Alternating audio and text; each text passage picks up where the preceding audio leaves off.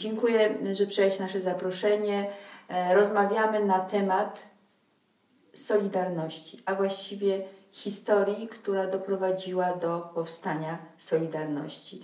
E, jesteś jedną z tych osób, które aktywnie angażowały się przed rokiem 80, czyli zanim powstała, powstał ruch społeczny, a potem Związek Zawodowy Solidarność.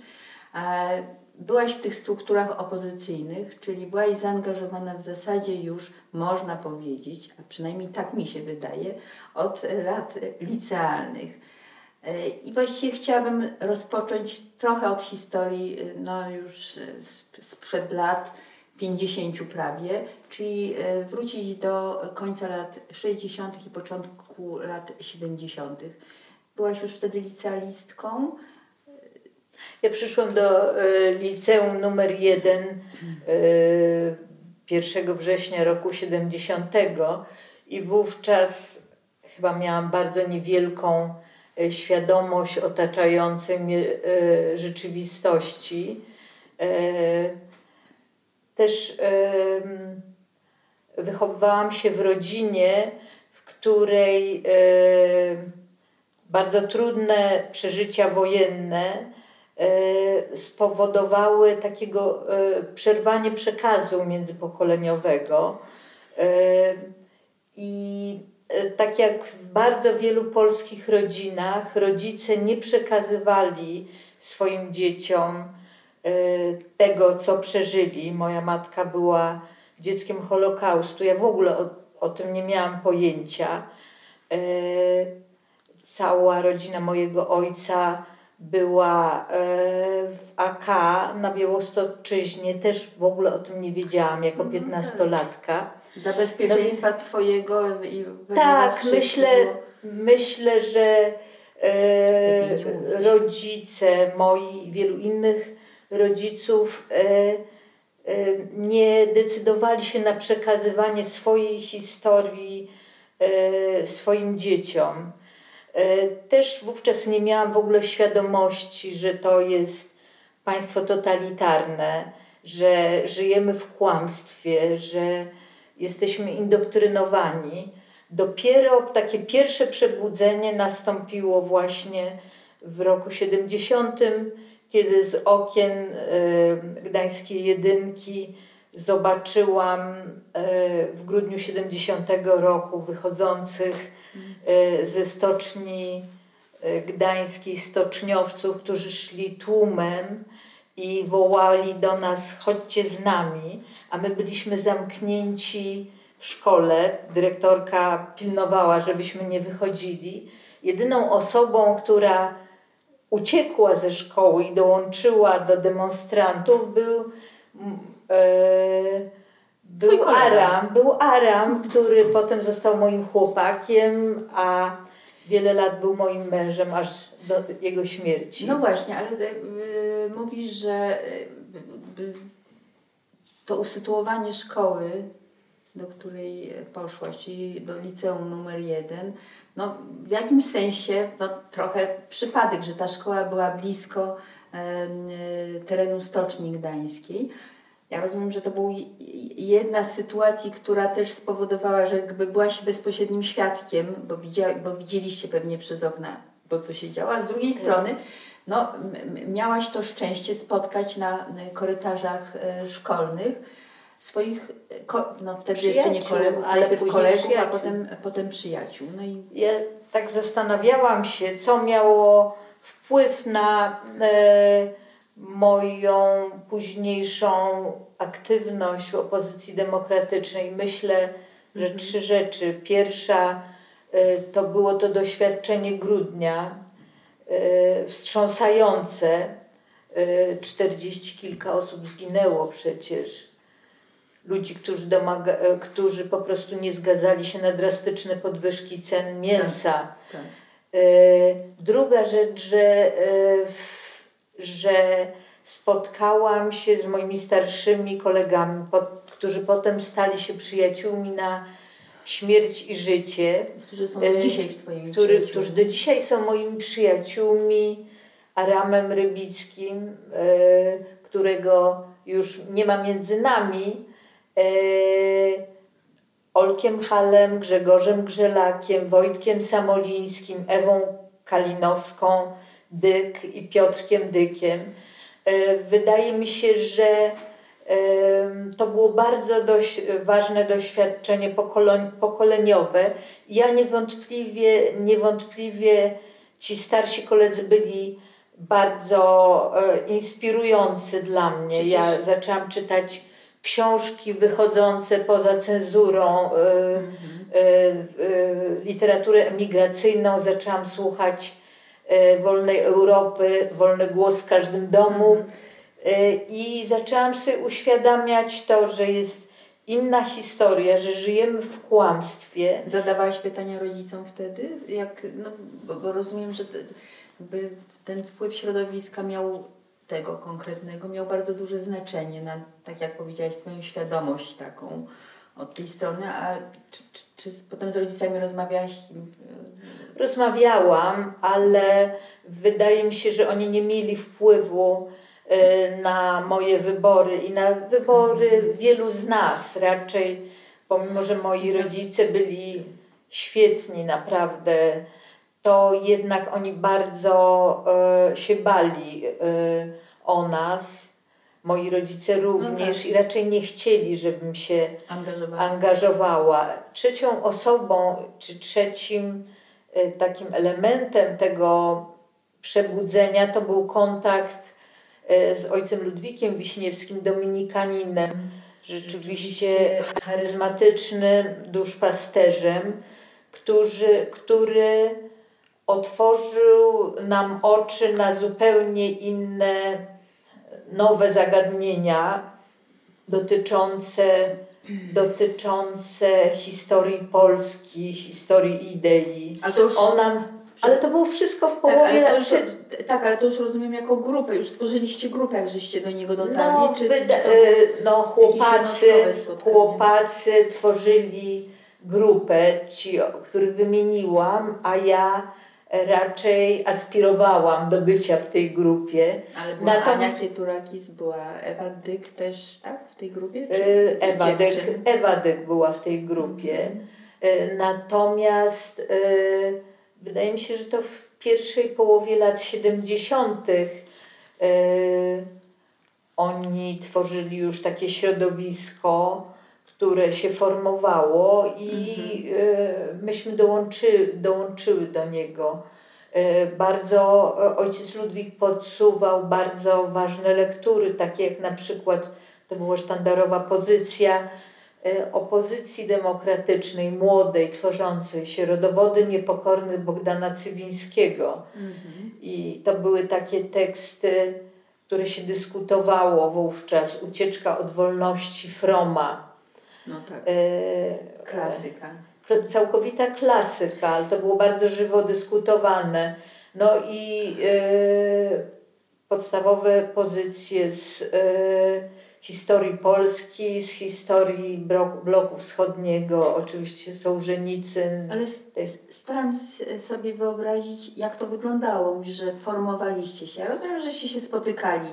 Umawialiśmy się, umawialiście się w swoich domach gdzieś tam, tak? Przychodzi... W duszpasterstwie akademickim Aha. ojca Ludwika, ale ojciec Ludwik wyjechał, czy został zesłany może przez władze zakonne w roku 72 czy na początku 73 do Lublina. Tak. I e, koledzy e, Olek Aram, Maciek Grzywaczewski dołączył wówczas. E, oni do niego jeździli, mieli stały kontakt i dzięki ojcu Ludwikowi Również e, nawiązaliśmy kontakty i przyjaźnie ze środowiskiem lubelskim. Mm.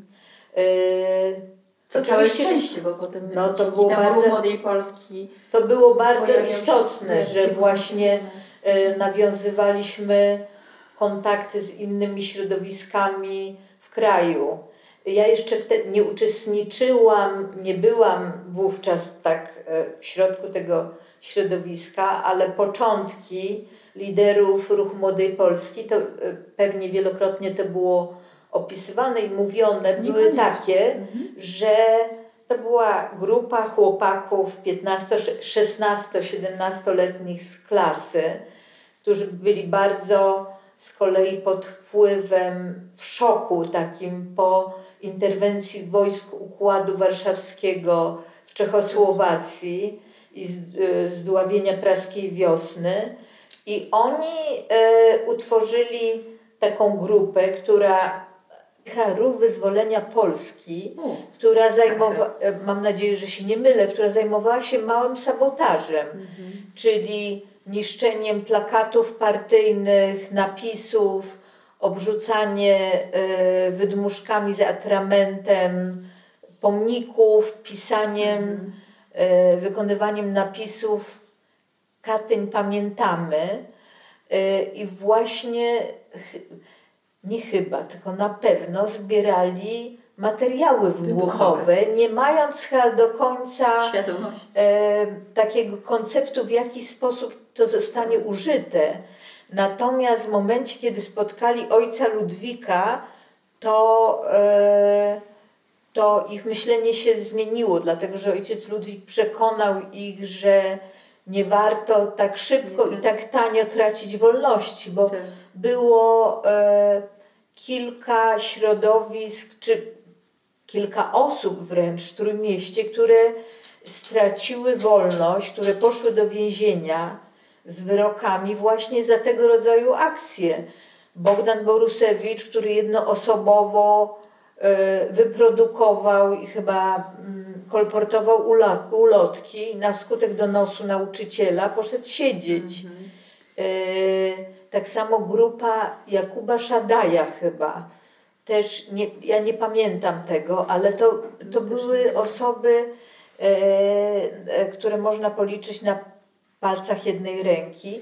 I właśnie ojciec Ludwik przekonał ich, e, że, nie wa- że trzeba się zajmować działalnością samokształceniową, I dobrze czytać. Trzeba się najpierw. Proszę? I organizacyjnie trzeba się... Tak, jakby... ale też on... E, był znakomity w tym, e, w, e, w otwieraniu, e, znaczy w budowaniu współpracy, w budowaniu mostów pomiędzy różnymi środowiskami, na przykład środowiska gdańskiego, wówczas jeszcze bardzo niedużego, ze środowiskiem Kiku Warszawskiego, mhm. czy Y, lewicy laickiej, y, która, która była później trzonem koru. Ta świadomość samokształcenia była bardzo rzeczywiście istotna, dlatego że dzięki temu, że po pierwsze wyście no, za, za, zaczęli i od strony organizacyjnej, ale też od strony takiego samokształcenia pozyskiwać coraz większą wiedzę. Ja rozumiem, że to też się odbywało na w zasadzie też takich spotkań e, z nazwiskami, z jakimiś autorytetami dla Was, e, osobami, które, które, które w jakiś sposób e, Wam imponowały prawdopodobnie, jeśli chodzi o, o wiedzę historyczną.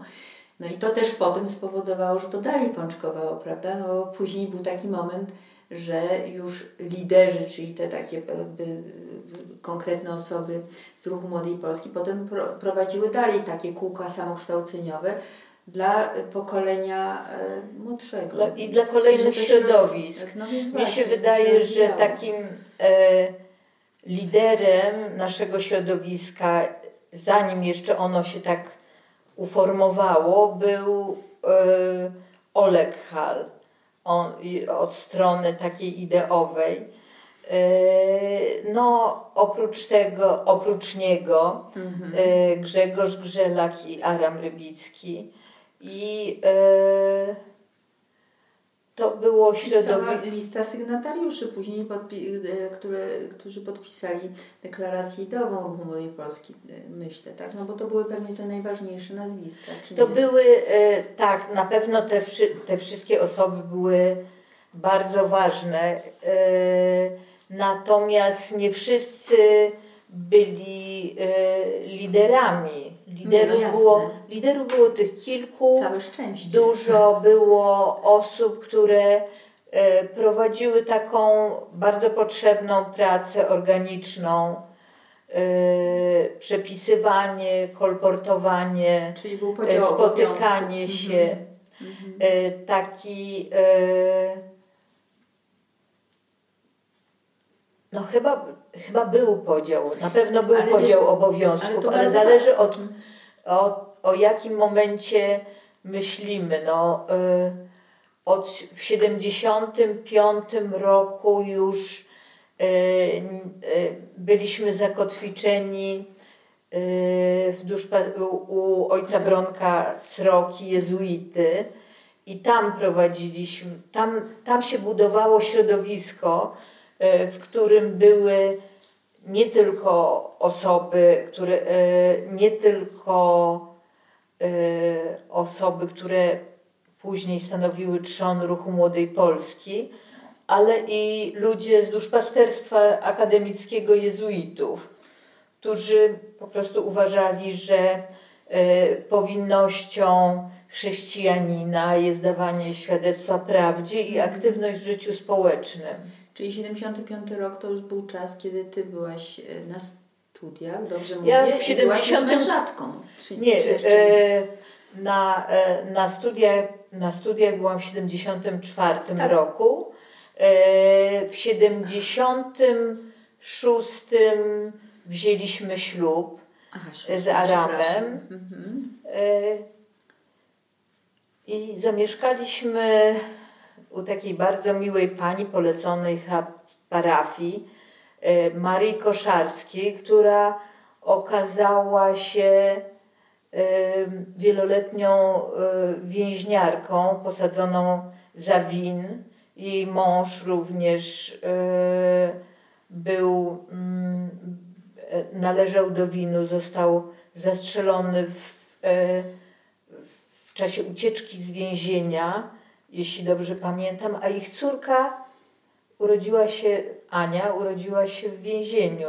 Historię Także Mhm. Historię pani Marii Koszalskiej e, chciałabym powiedzieć, że będzie można również wysłuchać na jednym z podcastów, który robiliśmy wiele lat temu, jeszcze nie jako Fundacja Centrum Solidarności, ale będzie ta historia jej e, też dostępna dla naszych widzów. świetnie, Mhm. świetnie. No właśnie, i u, zamieszkaliście u, u pa- pani Marii Koszalskiej, która e, na, która na początku no, patrzyła na Was jak na grupę kulturalnych, sympatycznych osób. Bardzo szybko się zorientowała, że jesteście grupą wyjątkową, że te spotkania to nie są iście spotkania tylko takie towarzyskie, ale że coś tam jeszcze się dzieje.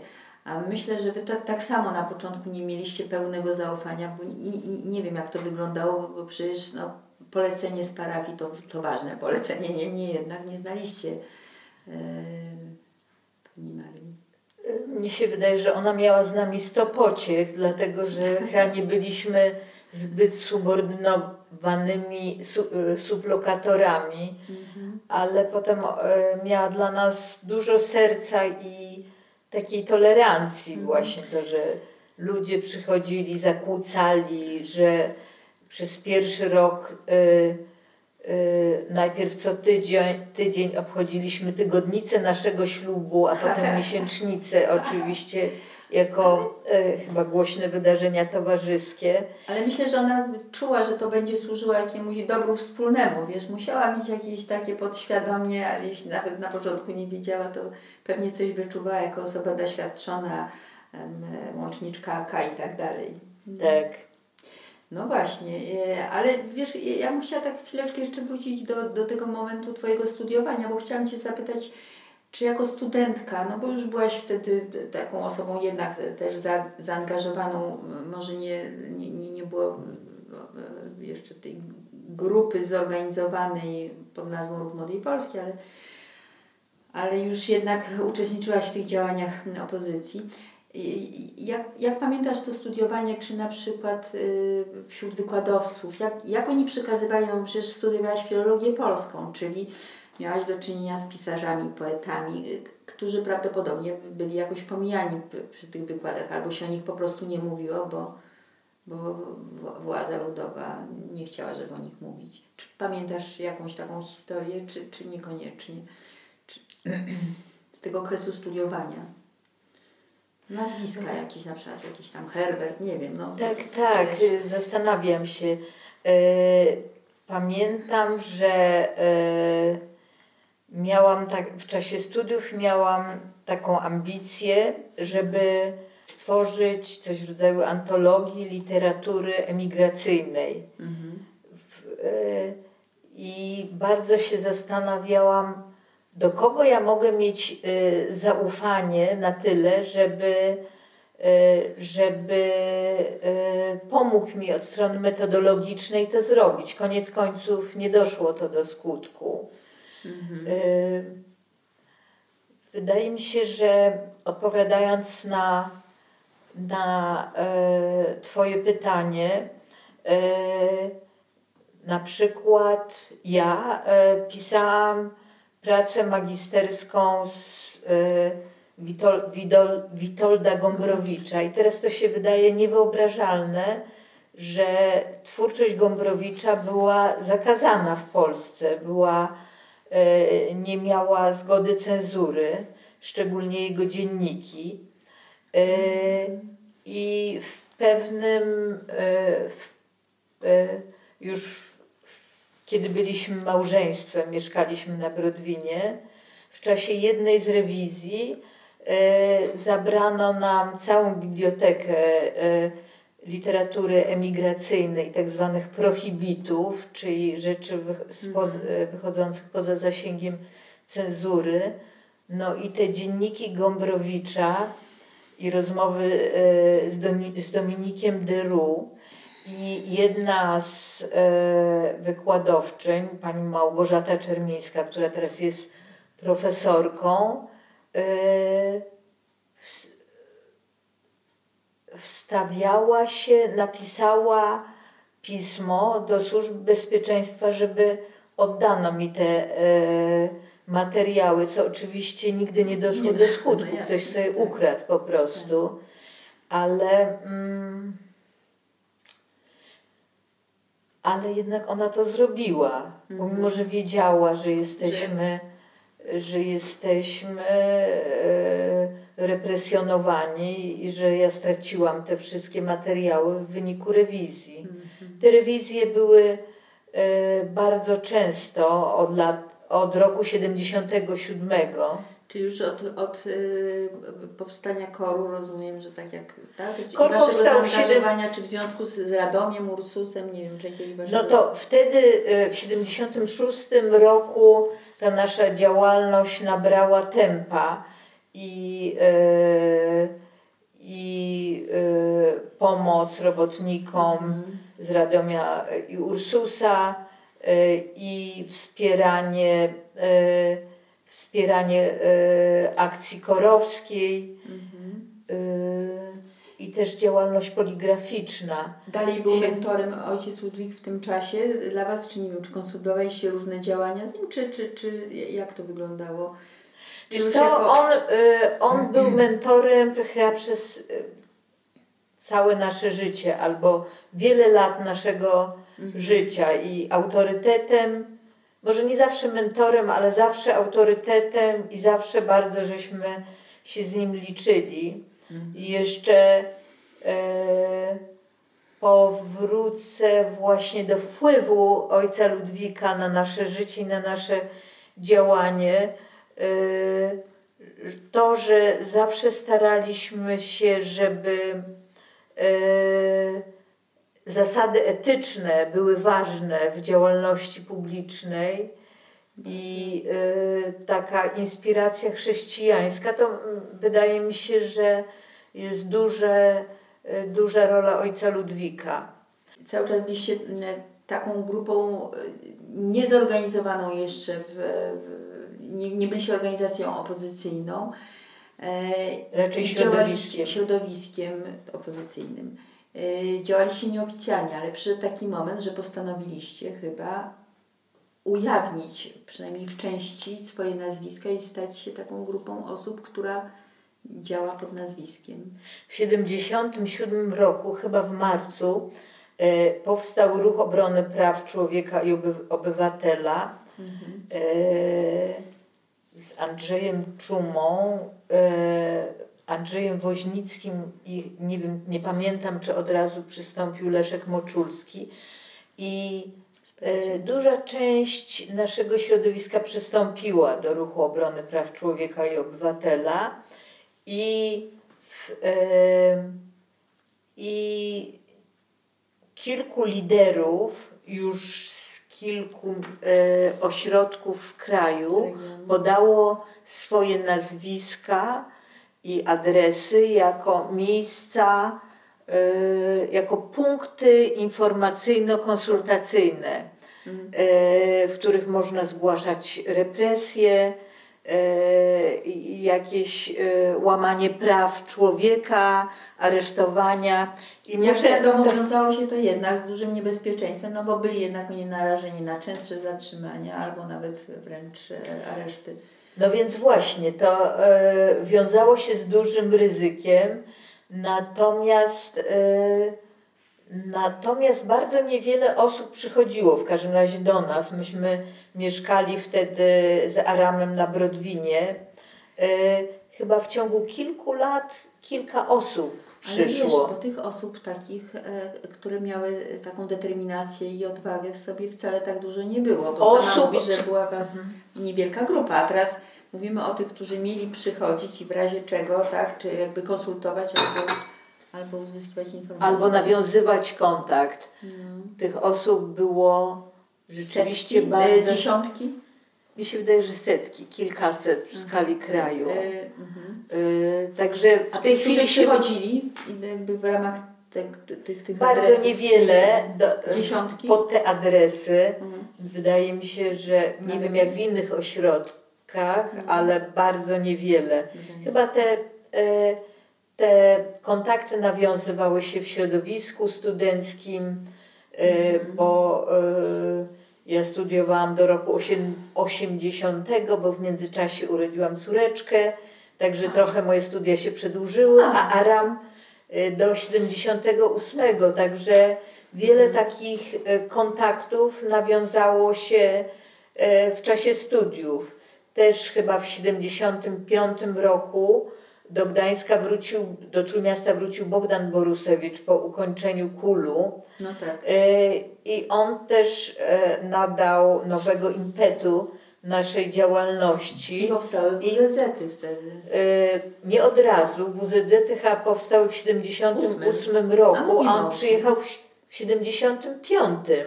I tak mi się wydaje. Dobrze ale mm, i on też przychodził do tego duszpasterstwa ojca Bronka Sroki, ale on szukał i nawiązywał kontakty z, ro, z robotnikami. To mhm. była świadoma jego działalność oraz e, ze środowiskiem warszawskim, które w 76 roku po wydarzeniach w Radomiu i Ursusie, eufemistycznie rzecz nazywając, no powsta, e, powstał KOR. Eufemistycznie dobrze dodałaś. Tak, bo to, no, bo to jednak było bardzo, bardzo dramatyczne. Też, zobacz, był, był, był on jednak świadomy tego, że jednak trzeba e, by, by, nawiązywać kontakty z robotnikami. Tak. Czyli ten, to doświadczenie grudnia 70 roku, no, y, też 76 y, roku spowodowało, że ta wiedza. Tak, on, on, Bogdan na pewno był wybitnym i bardzo przenikliwym takim organizatorem całego środowiska, konspiratorem całego no tak. środowi środowiska i potrafił, mhm. potrafił też budować współpracę między środowiskami. Bogdan, e, Co notabene dało owoce potem. Bardzo roku, istotne. My bardzo często, Bogdan bardzo często bywał u nas. Myśmy mieszkali w Sopocie. Mhm. E, przez las Bogdan y, przebiegał y, ze swojego domu Hanna 23 marca mhm. na Brodwino albo spotykali się z Aramem w lesie, żeby mówić tak zwane ogony, czyli y, służbę bezpieczeństwa zwaną wówczas ubecją. Mhm. Y, I myśmy mieli stałe kontakty. Mhm.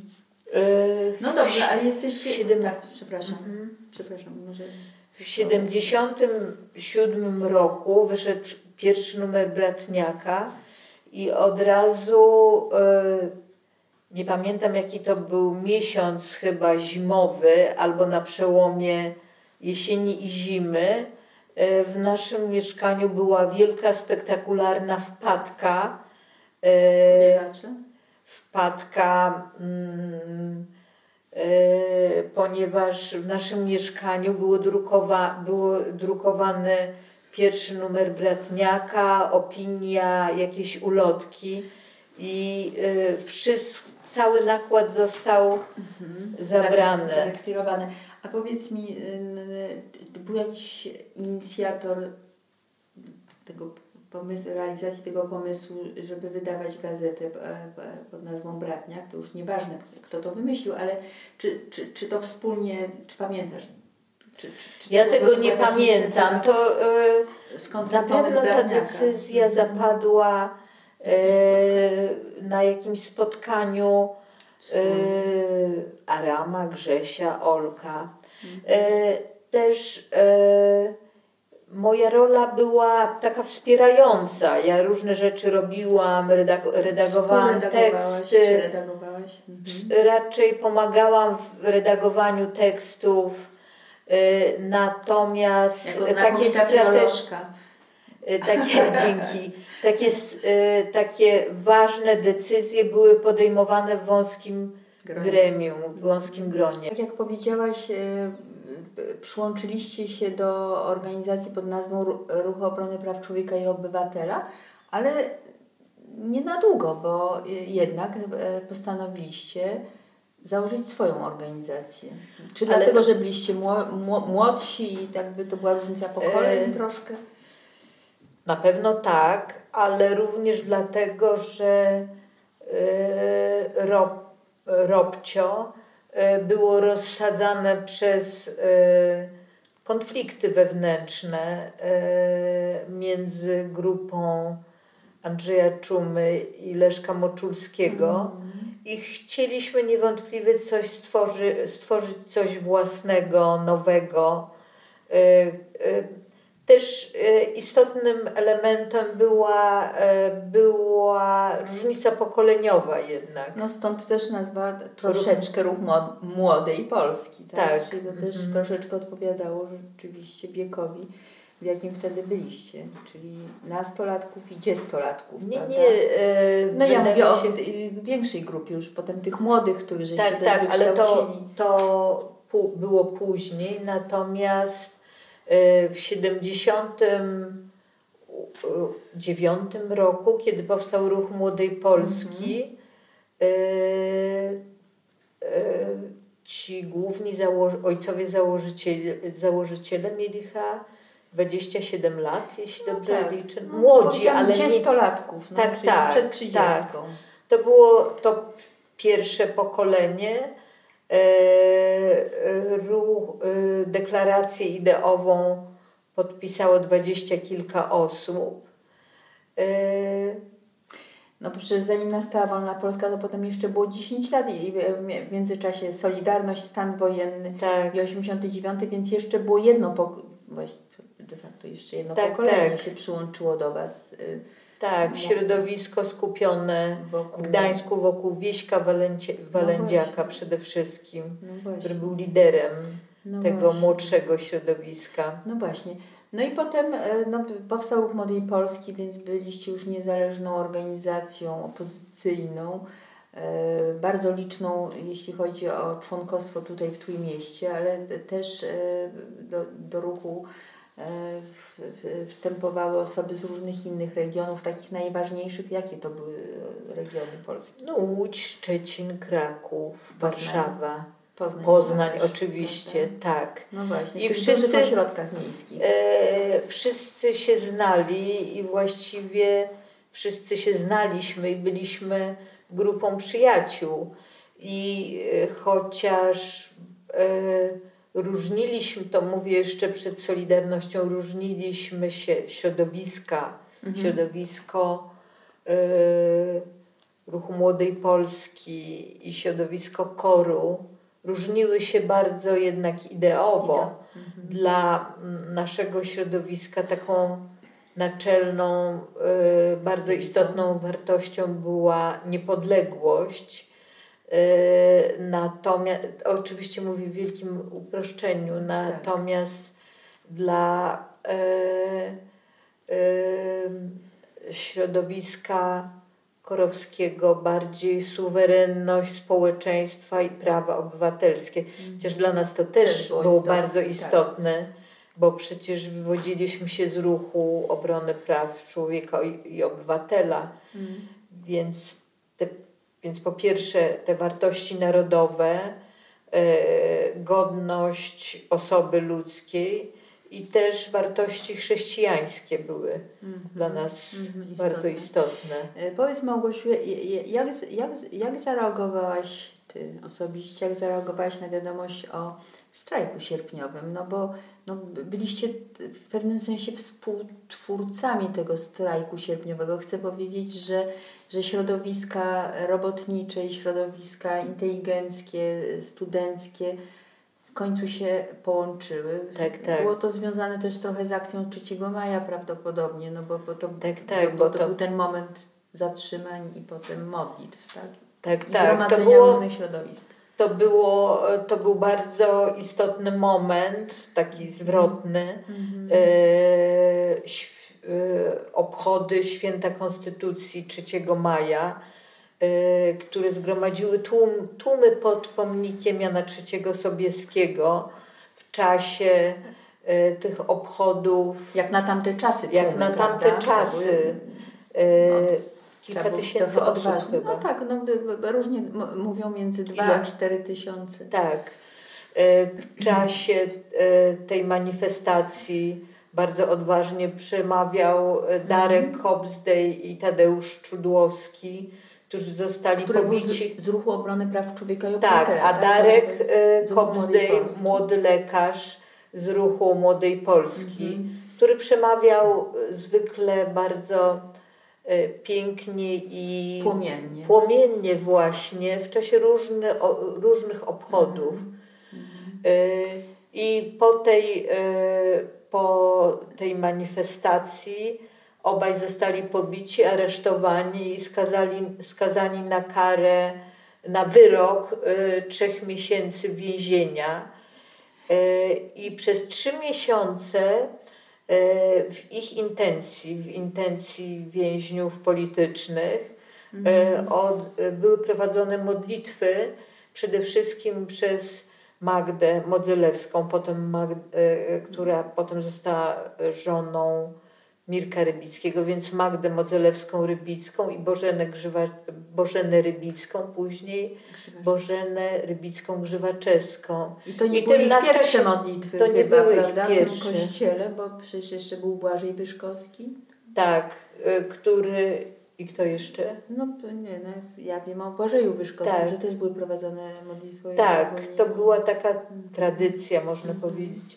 To było bardzo autentyczne i wtedy też. I y, wtedy y, na początku kilka osób uczestniczyło w tych modlitwach, no potem coraz dołączało coraz więcej, e, również robotników, i dołączył e, też Lech Wałęsa, który e, był związany tak. z wolnymi związkami zawodowymi. WZZ powstały w 1978 roku. I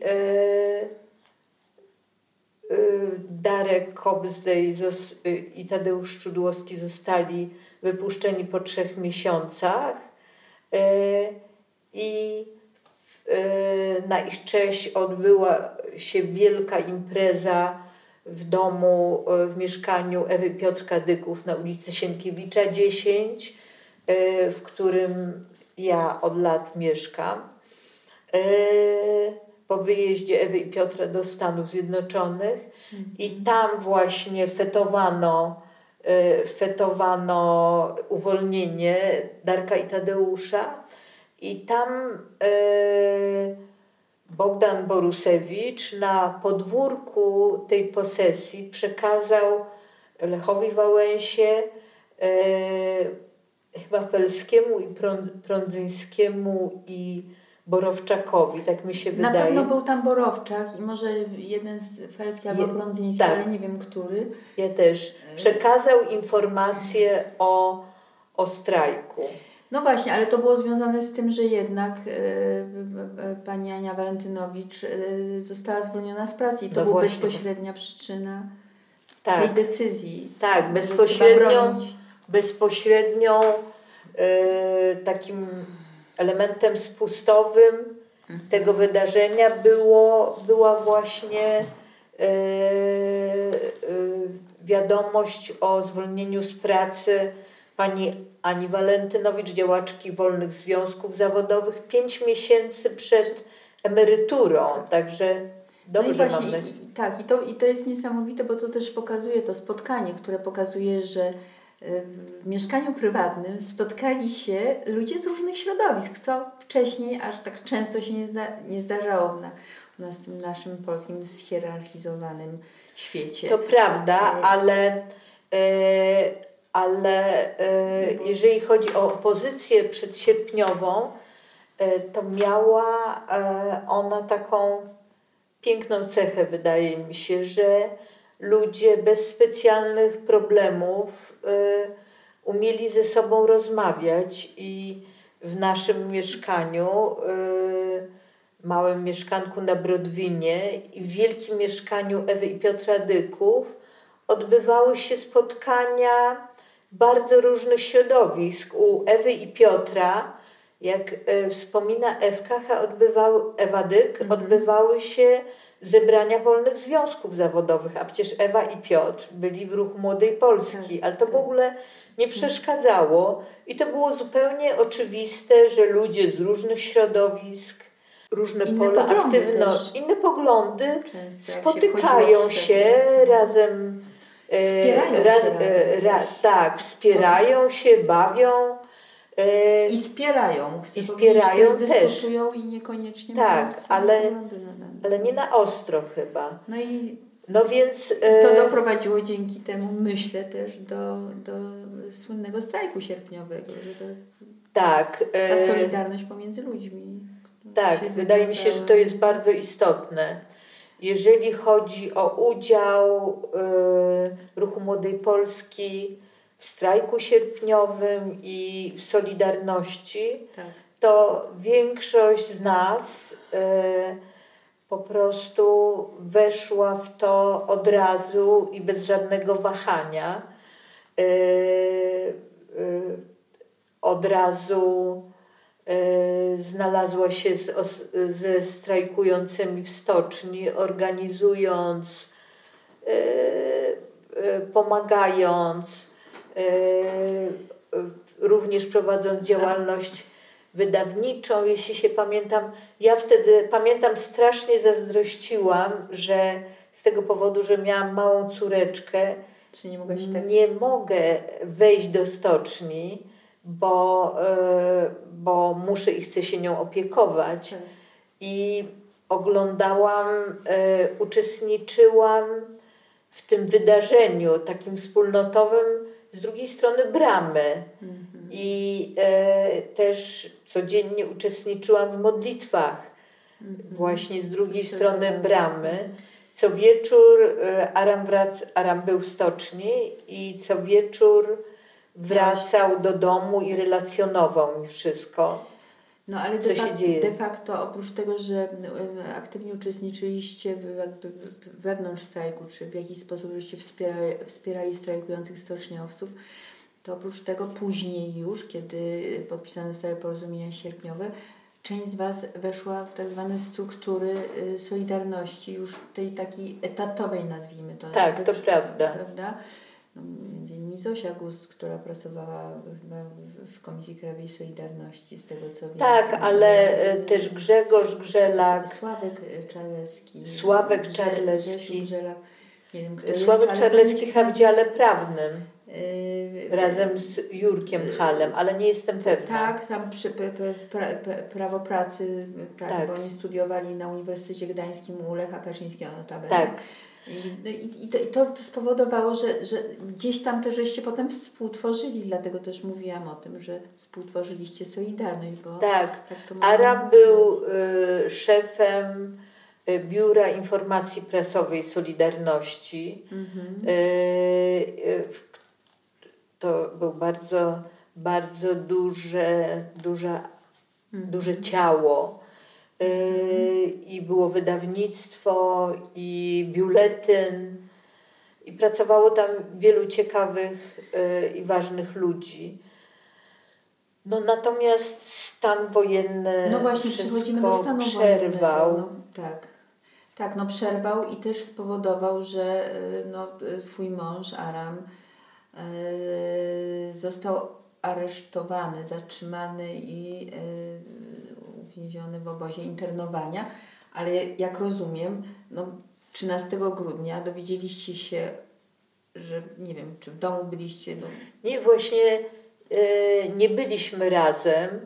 E, Aram e, został 12 grudnia został poinformowany, że Chyba, że będą aresztowania. Był tak. przeciek od naszego mhm. e, informatora ze służby bezpieczeństwa, że będą tak. aresztowania. E, tym informatorem był e, kapitan, kapitan Adam. Adam Chodysz, bardzo zasłużony dla opozycji i podziemnej Solidarności. Jedyny prawdziwy Konrad Wallenrod, prawdę mówiąc. No w każdym razie y, Aram pomimo tego ostrzeżenia y, postanowił pojechać do MKZ-u, dowiedzieć się co się dzieje z jego pracownikami z Biura Informacji prasowej Solidarności. Można by powiedzieć tam... nie frasobliwie, ale jak się okazuje, to, to było silniejsze pewnie. Tak, żeby... on był, miał bardzo duże poczucie obowiązku, obowiązku. i e, po prostu e, w czasie e, e w MKZ został aresztowany w czasie e, właśnie e, z 12 na 13 grudnia Chyba nie było żadnej łączności, bo w no tym czasie o 12, na pewno, tak. w tym czasie o 12 w nocy do mnie do e, mieszkania zadzwoniła służba bezpieczeństwa, sześciu facetów, którzy do 6 rano razem ze mną siedzieli, czekając na Arama yy, i radząc mi, żebym przekonała męża, żeby jak tylko Nie. wróci do domu, żeby się zgłosił, a ja E, mówiłam im, że historia im się odpłaci i że poniosą słuszną karę. E, o 6 rano e, włączyłam telewizor i razem wysłuchaliśmy przemówienia Jaruzelskiego, który mówił, że na terenie w Polsce razem z tą bezpieką, znaczy razem z tą bezpieką, tak. Prowadzany jest stan wojenny ale o 6 rano włączyliście telewizor tak, na pewno o 6 radio. rano telewizor, na pewno. Mieliśmy telewizor. No tak, ale że chodzi o to, że o 6 rano o 6 na pomysł, rano włączyć telewizor. No tak, tak się stało. Tak. Oni wyszli Aha. jeszcze nie wiedząc, że Aram już jest aresztowany, a on już mhm. kolejnymi etapami był wieziony do Strzebielinka. I jak potem o tym opowiadał, mówił, że że zupełnie nie wiedzieli, co z nimi się stanie, że przypuszczali, że mogą być wywiezieni do Związku Radzieckiego, że mogą być rozstrzelani nawet. No, dużo takich wspomnień jest rzeczywiście tych tak? osób, które były zatrzymane. Tak, no, parę myśmy już słyszeli tutaj podczas rozmów e, z, właśnie ze świadkami historii. Aram nawet mówił, że przygotowywał E, Gryps mhm. z e, listą osób, które w tej suce tak zwanej, czyli samochodzie milicyjnym jechały, żeby wyrzucić w odpowiednim momencie. Żeby ktoś ale znalazł. żeby ktoś to znalazł, ale kiedy dojechali do Strzebielinka, to przywitał ich szpaler zomowców z psami i nie udało im się tego zrobić. Mhm. Ja dopiero po kilku dniach dowiedziałam się, e, gdzie Aram jest, przez jakąś nieznaną, dni, e, nieznaną lekarką. Wiesz co, wydaje mi się, że ja byłam ogłuszona.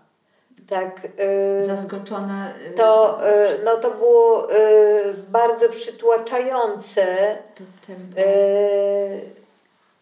które z dnia ale na dzień zmienia zupełnie nasze odczucia, tak? Czuliśmy tak, się... ale, ale nie pamiętam dokładnie swoich mhm.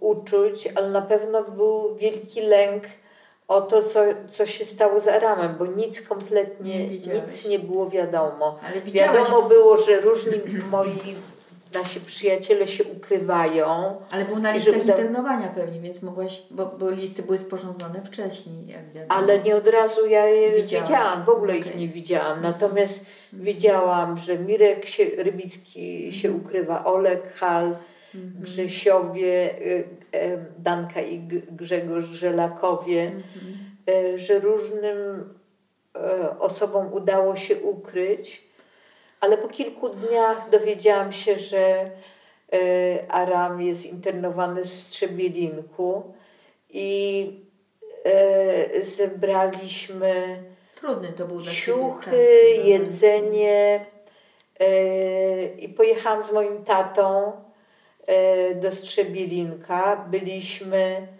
e, zatrzymywani przez patrole. Na pewno to było bardzo trudne, ale chyba miałam taką motywację, żeby temu sprostać. Mhm. Chyba za dużo się nie zastanawiałam, nie zastanawiałam się. Mhm. Ale wtedy e, za wielki swój sukces uważałam, E, że udało się e, przemycić radio do e, Strzebilinka i że Aram jego koledzy mogli tam słuchać wolnej Europy. Tak, to było bardzo ważne w sytuacji, kiedy byli odcięci od informacji, że chyba była tylko szczekaczka jedna, która nadawała mm, propagandę jaruzelską, więc mhm. Podobno Aram był często w Izbie Chorych, tak? To dobrze zapamiętałam?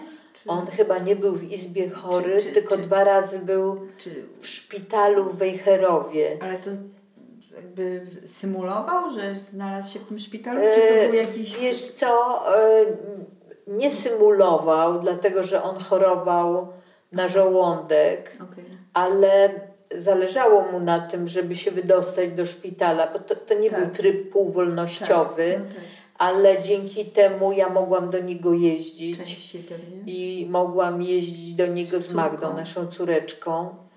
Mhm. Ale też no, starałam się jeździć y, tak często, jak to tylko było możliwe. Magda przyjeżdżała ze mną wystrojona i y, ja ją starałam się utwierdzać w takim przekonaniu, że teraz wszyscy fajni tatusiowie są w więzieniu, bo bardzo mi zależało na tym, żeby ona się nie wstydziła tego, że jej tato siedzi w więzieniu.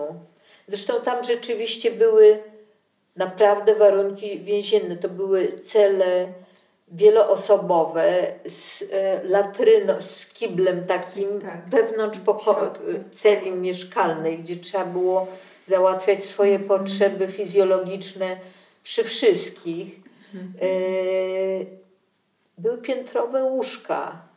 I w czasie, kiedy jedni grali w karty do, do, przez całą noc, drudzy chcieli spać. To po prostu takie stadne życie wielu mężczyzn w jednej celi jest bardzo trudne.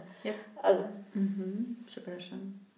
Ale chciałam powiedzieć, że właśnie z internatu dostałam od Arama wiele pięknych listów. To są to... te plusy też. no, listów pewnie też z wyznaniem miłości, bo człowiek jak tak. jest w tak. takich warunkach ma taką potrzebę ciepła i bliskości. Tak, oczywiście, że tak, ale nie wiem, czy były jakieś plusy, natomiast to, znaczy, to jest taka, takie... W cudzysłowie plusy. No, y, taka piękna pamiątka po Aramie. Tak myślę. No, przyszedł ten moment e, amnestii. Aram też wyszedł z internatu, e, znaczy z, z ośrodka odosobnienia, no ale wiadomo, oficjalnie stan wojenny został zakończony 22 lipca 1983 roku, ale de facto on dalej trwał. Powiedz e, w, w paru słowach jeszcze na zakończenie, jak wyglądało dalsza Wasza działalność i czy ona właśnie, czy, czy, czy dalej tak aktywnie działa, działa, działaliście, myślę tutaj do roku 89? Ja e, w stanie wojennym byłam nauczycielką i przez parę lat usiłowałam pracować w szkole. Nigdy się nie udało dłużej zagrzeć miejsca. E, w końcu zostałam zwolniona e, e, z liceum na skutek presji służb bezpieczeństwa, o czym zresztą poinformował po latach dyrektor tej szkoły. Natomiast, Jaka była przyczyna, tak? Że taka cię... była przyczyna, że to było na skutek -hmm. nacisków służb bezpieczeństwa. Tak. Natomiast Aram szybko e, zaczął współpracować e, z Wałęsą, e, prowadząc po jego wyjściu z Arłamowa, z ośrodka odosobnienia, jego taki mm, jawny, chociaż nielegalny sekretariat. -hmm. I to była, e, to była długa współpraca. Jednocześnie e, to środowisko Ruchu Młodej Polski wydawało periodyk, już e, taki gruby i poważny, politykę Polityka. polską, mhm. w której, w którym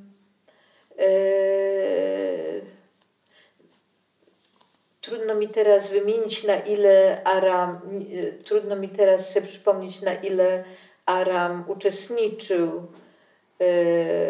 w publikowaniu e, tekstów w tym periodyku. Mhm. No ale to już nawet nie ma takiego znaczenia. Znaczy, myślę, że e, ważniejszym jest informacja na temat tego, jak wyglądał jeszcze ten rok 80, może nawet nie 8 strajki, ale 89, no bo jeżeli Aram był blisko tak. Lecha Wałęsy, no to też były przygotowywane, no był okrągły stół wcześniej, potem były przygotowane mhm. wybory czerwcowe, więc tak, może tak. jeszcze parę, czy, czy, czy, coś pamiętasz z tego ja Jeszcze, jeszcze chciałam, e, chciałam powrócić do tego wcześniejszego Twojego e, pytania, że e, właściwie z naszego środowiska jedynie Oleg, e, Oleg e, Hal ukrywał się naj, najdłużej i on e, działał w, we władzach podziemnej Solidarności. Mhm. Był ważną osobą. Natomiast jeżeli. Przepraszam, ale wejdę ci w słowo i powiem, że to jest niesamowite, że wszystkie kobiety, z którymi też się spotykam i rozmawiam, bardzo często podkreślają wkład y, y, w, no, działania opozycyjne, ale taki duży, duży wkład y, swoich kolegów. A odwrotnie to się tak często nie dzieje, czyli kobiety, które są zaproszone do rozmów, mówią bardzo często, oprócz tego, że ja je pytam o nie, to one jednak dodają i jakby przypominają o tym, mm że, że, że nasi koledzy tak, tak. byli mocno zaangażowani. To jest... No, to prawda.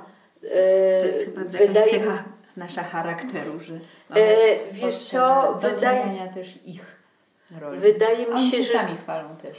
Potrafią tak. sobie mówić. E, wiesz co, wydaje mi się, że mm, to jest nie tylko to, ale również to, że rola kobiet, w większości kobiet, akurat w środowisku młodej, ruchu Młodej Polski była inna. Ona mhm. była rolą wspierającą, tak.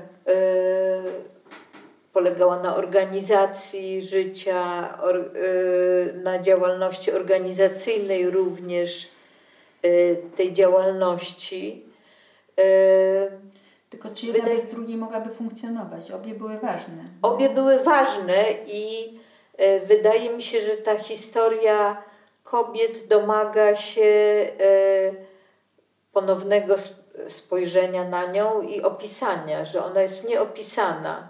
Właśnie e, Dlatego ostatnio rozmawiamy. Tak, ostatnio jestem pod wrażeniem musicalu rapowego 1989, e, gdzie cała historia od roku 80 do 89 jest napisana również z perspektywy kobiet. E, e, Danuty Wałęsowej, Grażyny Kuroń i Krystyny Frasyniuk.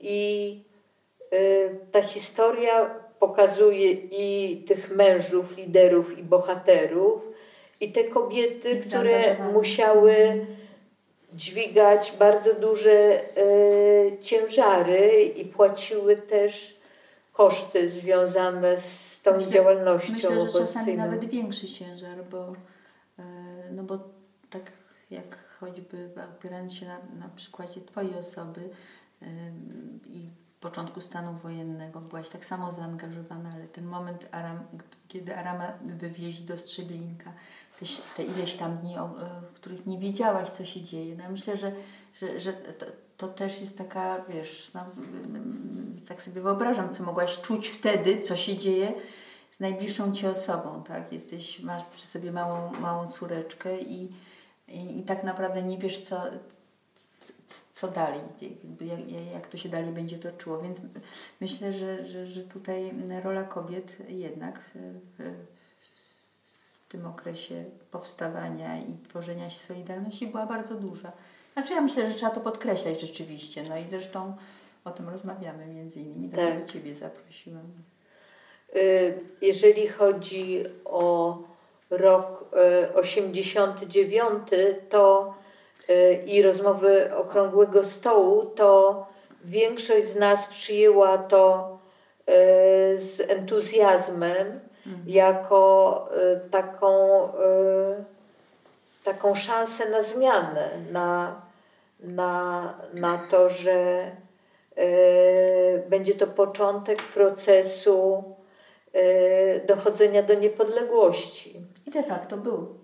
Tak to było. Mhm. I e, z naszego środowiska chyba tylko Olek uczestniczył e, w obradach okrągłego stołu, ale wydaje mi się, że to był taki bardzo e, ważny moment dochodzenia do kompromisu, to pomimo prawda. wielkich różnic, które Polaków dzieliły. No przecież wśród tych e, rozmówców byli i ci, którzy byli wieloletnimi więźniami, tak. i ci, którzy ich skazywali, jak e, generał Kiszczak na Ofiary przykład. i oprawcy. Tak Można naprawdę. tak powiedzieć. Myślę, że dla Waszego środowiska Ruchu Młodej Polski obecność Olka przy okrągłym stole była też pewnie symboliczna i ważna. No, Bardzo ważna, ruchu, tak. który który jednak zapisał się dobrze w historii tak, wyda- Polski. To prawda. Bardzo Ci, Małgosiu, dziękuję. E, na, na koniec już takie tak zwane postscriptum. E, no, dalej zajmujesz się działalnością e, społeczną, jesteś osobą bardzo aktywną. Jednym zdaniem powiedz, czym się zajmujesz w tej chwili? Mm, 38 lat temu urodził się nam e, Antek, który jest osobą z autyzmem i e, ja od wielu lat zajmuję się przede wszystkim pomaganiem osobom z autyzmem właśnie, teraz się mówi spektrum autyzmu mhm. i budowaniem dla nich takiego systemu wsparcia. E, to się przekłada na bardzo konkretne działania. My e, przez wiele lat prowadziłam ośrodek rewalidacyjno-wychowawczy dla dzieci i młodzieży z autyzmem, gdzie mhm. wprowadzaliśmy najnowsze, najbardziej efektywne metody pracy z tymi osobami. Prowadzimy trzy placówki dzienne dla dorosłych osób z autyzmem i jedną całodobową, gdzie prowadzimy treningi mieszkalnictwa. I e, to, co jest ważne, że większość z tych działań e, prowadzona jest na podstawie projektów. W ogóle nie ma regulacji prawnych, takiego umocowania, które e, pozwoli, pozwala na stałość finansowania i na no tak. spokój przyszłości. I chciałam powiedzieć, że jednak mm, ta moja przyszłość i prze, przeszłość raczej i ta y, działalność y, w latach y, 70., w latach młodości miała bardzo duże znaczenie y, dla mojego sposobu działania. Dzisiaj dzisiaj przez wiele lat, że po pierwsze zawsze y, uważałam to, co robię, za działalność na rzecz praw mojego syna Antoniego i praw osób Drugiego z człowieka. autyzmem. Praw osób z autyzmem, praw osób marginalizowanych. Y, I no, w pewnym sensie wydaje mi się, że historia mojego życia zatoczyła koło. koło. I to jest doskonała puenta. Bardzo dziękuję. Dzięki.